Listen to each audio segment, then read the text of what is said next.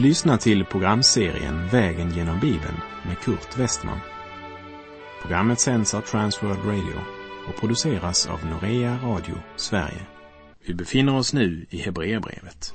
Slå gärna upp din bibel och följ med. Vi har kommit till den trettonde versen i Hebreerbrevets nionde kapitel. Verserna 11 till och med 28 talar om Kristus som vår överste präst. Och innan vi vandrar vidare till vers 13 vill jag för sammanhangets skull även repetera verserna 11 och 12. Men nu har Kristus kommit som överste präst för det goda som vi äger. Genom det större och fullkomligare tabernakel som inte är gjort med händer, det vill säga som inte tillhör den här skapelsen, gick han en gång för alla in i det allra heligaste, inte med bockars och kalvars blod, utan med sitt eget blod och vann en evig återlösning. I tabernaklet så var vägen till Gud blockerad genom tre förhängen. Och det av Guds folk som inte tillhörde Levis stam, de kunde endast komma in på förgården för att bära fram sina offer. Om en man bar fram ett litet lamm så skulle han lägga handen på lammet som en identifikation eftersom lammet skulle dö i hans ställe. Men sedan så var det prästen som skulle föra lammet vidare därifrån till att slaktas och offras på kopparaltaret. Men den som offrade lammet, han kunde inte gå längre än till förgården. Genom nästa förlåt kunde endast prästerna gå och genom nästa förlåt igen kunde inte ens prästerna gå utan bara översteprästen. Därför var tabernaklet något temporärt och denna ämbetsordning och dessa religiösa ritual var givna endast för en tid. Nu kan Kristus föra oss in i den nära gemenskapen med Gud. Och det är endast Kristus som kan det. Kristus är den enda dörr som öppnar vägen för oss in till Guds närhet. Jesus själv uttrycker det så här i Johannes 14, vers 6. Jag är vägen, sanningen och livet. Ingen kommer till Fadern utom genom mig. Är du bland dem som korsfäster Jesus eller är du bland dem som tillbeder Jesus? Någon tredje grupp finns inte. Den grund på vilken vi idag träder in i Guds närhet, det är den korsfäste frälsaren som på korset försonade våra synder. Det är bara han som skapar sann tillbedjan och sann gudstjänst. Därför skriver också Paulus till de troende i Efesus i kapitel 5, verserna 18 och 19. Berusa er inte med vin. Sådant leder till ett liv i laster. Låt er istället uppfyllas av anden så att ni talar med varandra med salmer, hymner och andliga sånger och sjunger och spelar för Herren i era hjärtan. Det är gudstjänst och verklig tillbedjan. Inget skapar en sådan frid, glädje och hänförelse som att bli fylld av Guds ande och att anden får uppenbara Kristus och hans härlighet för våra hjärtan så att allt det blir verkligt för oss. För livet i Kristus är sannerligen mera än en teori. Och det är underbart att tillbedja honom och lovsjunga hans namn. thank you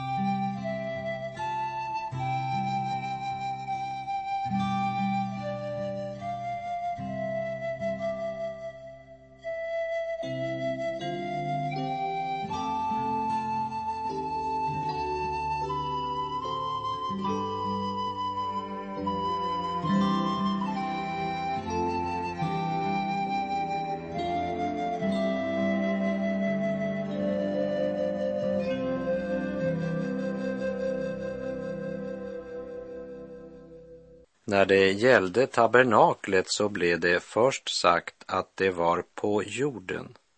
Det var en jordisk helgedom, det vill säga den var tillverkad av sådant material som en dag förgår. För det andra, det var endast en skugga av det som skulle komma. Tabernaklet var aldrig verkligheten. Men genom ett noggrant studium av tabernaklet kan vi lära mycket om den utlovade frälsaren som hela tabernaklet med alla sina inredningsdetaljer och sina ritual pekade fram emot. Men nu är både ceremonierna och det gamla ämbetet borta. För nu har Kristus kommit som överste präst för det goda som vi äger. Genom det större och fullkomligare tabernakel som inte är gjort med händer, det vill säga som inte tillhör den här skapelsen. Verkligheten är i himlen. Därför ska vi lyfta vår blick upp till honom. Kolosserbrevet säger att vi ska söka det som är där uppe där Kristus sitter. Tänka på det som är där ovan, inte på det som är på jorden. Och han som sitter på Faderns högra sida förkunnar att var och en som tror på honom tillhör ett utvalt släkte, ett konungsligt prästerskap. Ja, vi är ett heligt folk, ett Guds eget folk, för att vi ska förkunna hans härliga gärningar, han som har kallat oss från mörkret till sitt underbara ljus. Det tredje när det gäller tabernaklet, det var att folket inte hade tillträde där. Om du hade varit en av Israels folk vid den tiden så hade du inte bara kunnat rusa in i Guds närhet. Du hade blivit stoppad vid första ingången. Du kom inte in där utan att du hade med dig ett offer. Och om du kom med ett godkänt offer kom du ändå aldrig längre än till förgården, utan prästen utförde tjänsten för dig. Idag så utgör vi som tror ett heligt prästerskap och var och en av oss har var för sig direkt tillträde till den helige Gud. Det är en av de stora privilegierna som är konsekvensen av att Kristus genom sin försoningsdöd rev itu förhänget mellan det heliga och det allra heligaste. Han har gått in i Guds närhet och står inför Guds ansikte. Och där står han för dig och mig just nu. Det privilegiet, det var helt okänt för Israels folk i det gamla förbundet. Det fjärde som blev sagt om tabernaklet och prästämbetet, det var att det var temporärt, det vill säga tillfälligt, medan han som skulle komma däremot skulle öppna vägen för evigt. Det femte när det gäller tabernaklet och ämbetsförordningarna, det var att allt detta kunde inte förändra eller förvandla folks hjärtan. Och det är kanske det allra viktigaste att vi verkligen ser. Den jordiska helgedomen och den rituella gudstjänsten förändrade inte folkets hjärtan. Men idag kan du komma till Kristus och han kan förvandla ditt liv. Endast han kan göra det undret med dig att du börjar tillbedja Gud i ande och sanning och göra Gud till en levande verklighet i ditt liv. Det är så många idag som bara leker kyrka, som vi lekte cowboy och indianer när vi var barn. Jag vet att många kristna bekännare som har växt upp och fått grått hår men fortfarande leker kyrka. De går till sina kommittémöten, sitter i styrelser eller sjunger i kören eller har söndagsskolklasser. Flitiga och strävsamma som termiter och ungefär lika effektiva. Och de tror att de tjänar Gud. Men kära vän, du kan inte tjäna honom förrän du har tillbett honom. Och du kan inte tillbe honom förrän Guds helige ande fått levandegöra honom för ditt hjärta så att du personligen erfar hans närhet i ditt liv. När det i vers 12 sägs att han gick in en gång för alla i det allra heligaste, inte med bockars och kalvars blod, utan med sitt eget blod och vann en evig återlösning, så tror jag att det betyder att han gick in i himlen med sitt blod. Det vill säga att han rent bokstavligt hade blodet med sig dit in. För det är ju det Hebreerbrevets författare här säger. Och vi läser vidare Hebreerbrevet 9, vers 14. Om nu redan blod av bockar och tjurar och askan från en kviga stängt på det orena helgar till yttre renhet, hur mycket mer ska då inte Kristi blod rena våra samveten från döda gärningar så att vi tjänar den levande guden. Ty Kristus har genom den evige Ande framburit sig själv som ett felfritt offer åt Gud. Grundlaget för denna förlossning ifrån lagens förbannelse är att Kristus frambar sig själv som ett felfritt offer åt Gud. Och han frambar detta offer med en evig ande. Hebreerbrevet 7.16 sa att det var i kraft av ett oförstörbart liv. Hebreerbrevet 9.14 talar om att blodet från tjurar kunde rena från yttre orenhet men att Kristi blod kan rena våra samveten. Det renar oss från döda gärningar så att vi kan tjäna en levande Gud. Jag tror att det är många kristna bekännare som tyvärr tjänar en död Gud. Precis som kvinnorna som vi läste om då vi vandrade genom Markus evangeliets sextonde kapitel där det i vers 1 berättas att när sabbaten var över köpte Maria från Magdala, Maria Jakobs mor och Salome välluktande salvor för att gå och smörja honom. Men just här är det viktigt att lägga märke till att trots deras starka engagemang och inte minst deras offervilja för de välluktande salvorna var verkligen en stor investering, så är det ändå något mycket tragiskt med hela deras handlande. För hela deras tjänst för Jesus är en gärning för en död frälsare. Och att tjäna en död frälsare, det är tungt, strävsamt, hopplöst. För när man tjänar en död Jesus så är det så många tunga och omöjliga stenar som hindrar oss att utföra vår gärning.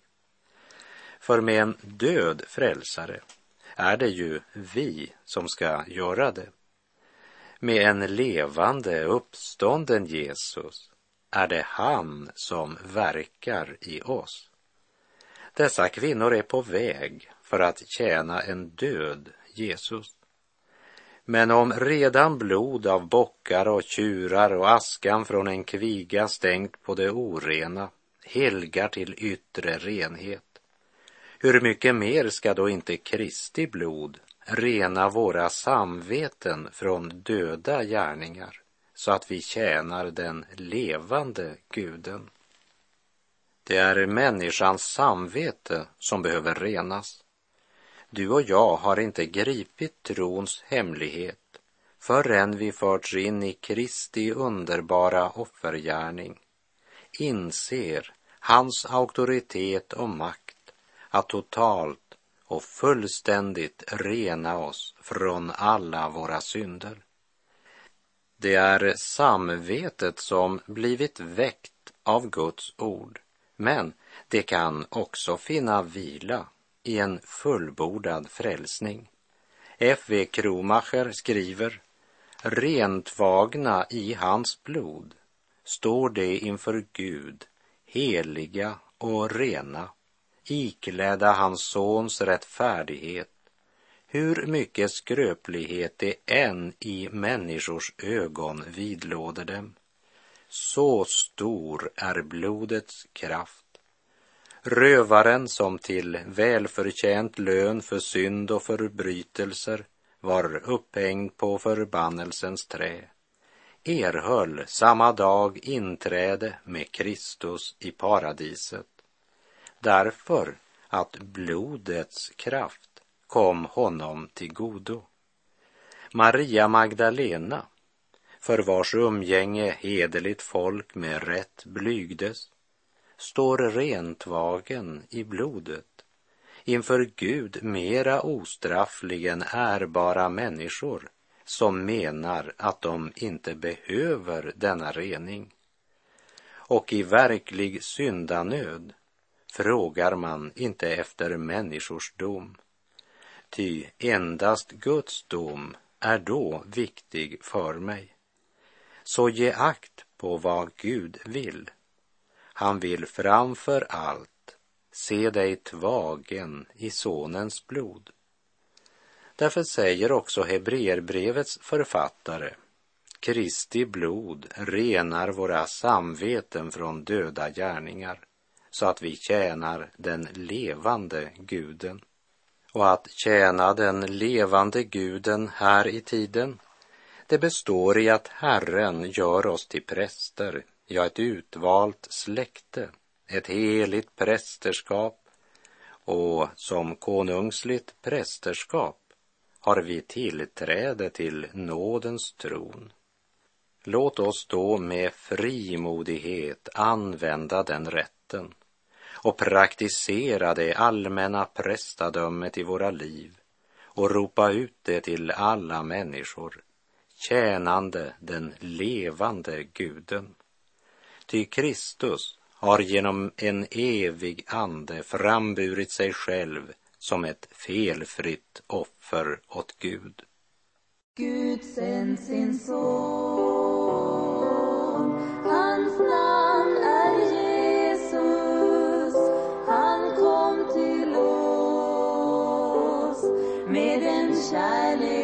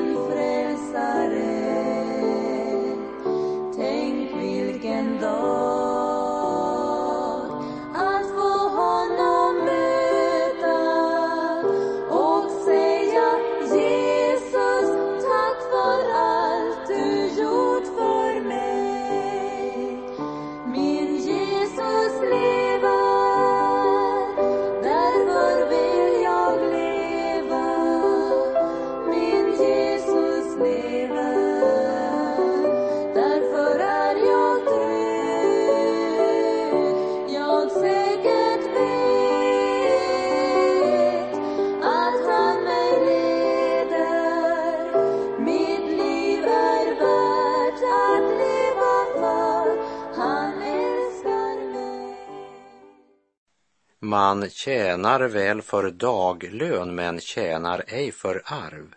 Att ärva är något annat än förvärva, sjunger Lina Sandell. Vi läser Hebreerbrevet 19, vers 15. Därför är Kristus medlare för ett nytt förbund, för att de kallade skulle få det utlovade eviga arvet sedan han genom sin död hade friköpt oss från överträdelserna under det första förbundet. Fokus ligger på att Jesus är medlare för ett nytt förbund. De som blev frälsta under det gamla förbundet, de blev frälsta därför att de blickade fram emot honom som skulle komma när de bar fram sina offer. Romarbrevet 3, verserna 25 och 26 säger Honom har Gud genom hans blod ställt fram som en nådastol att tas emot genom tron. Så ville han visa sin rättfärdighet eftersom han hade lämnat ostraffade de synder som förut hade blivit begångna under tiden för Guds tålamod. I den tid som nu är ville han visa sin rättfärdighet, att han själv är rättfärdig när han förklarar den rättfärdig som tror på Jesus. Och vi läser Hebreerbrevet 9, vers 16 och 17. Där det finns ett testamente måste det tillkännages att den som har upprättat det är död. Först när han dör blir testamentet giltigt. Det träder inte i kraft så länge han lever. Om du skriver ett testamente så har arvtagaren ingen nytta av det så länge du lever. Testamentet blir inte giltigt förrän du har dött. Och här refererar skriften till ett testamente som är skrivet av en man som har dött.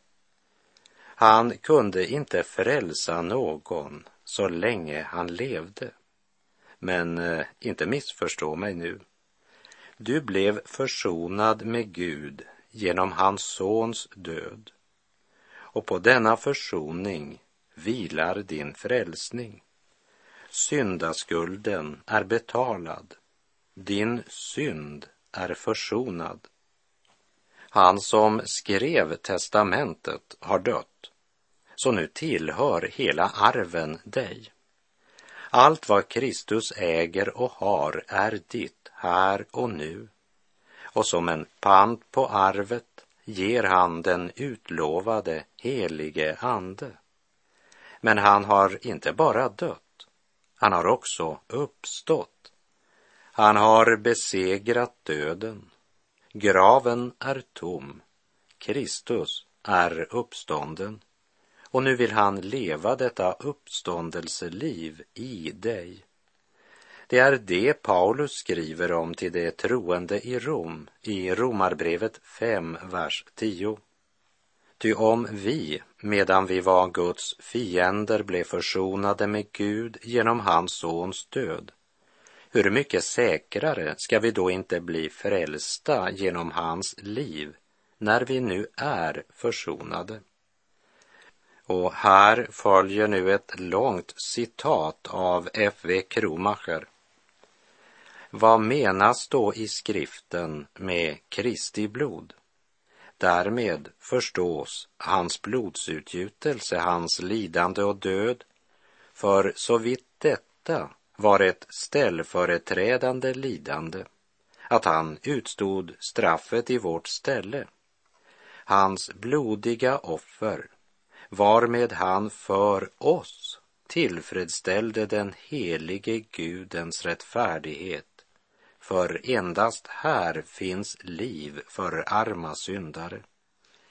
Vår ställning till Lammets blod avgör vårt eviga väl eller ve. Att ha eller inte ha del i detta blod är detsamma som att vara evigt frälst eller evigt förlorad.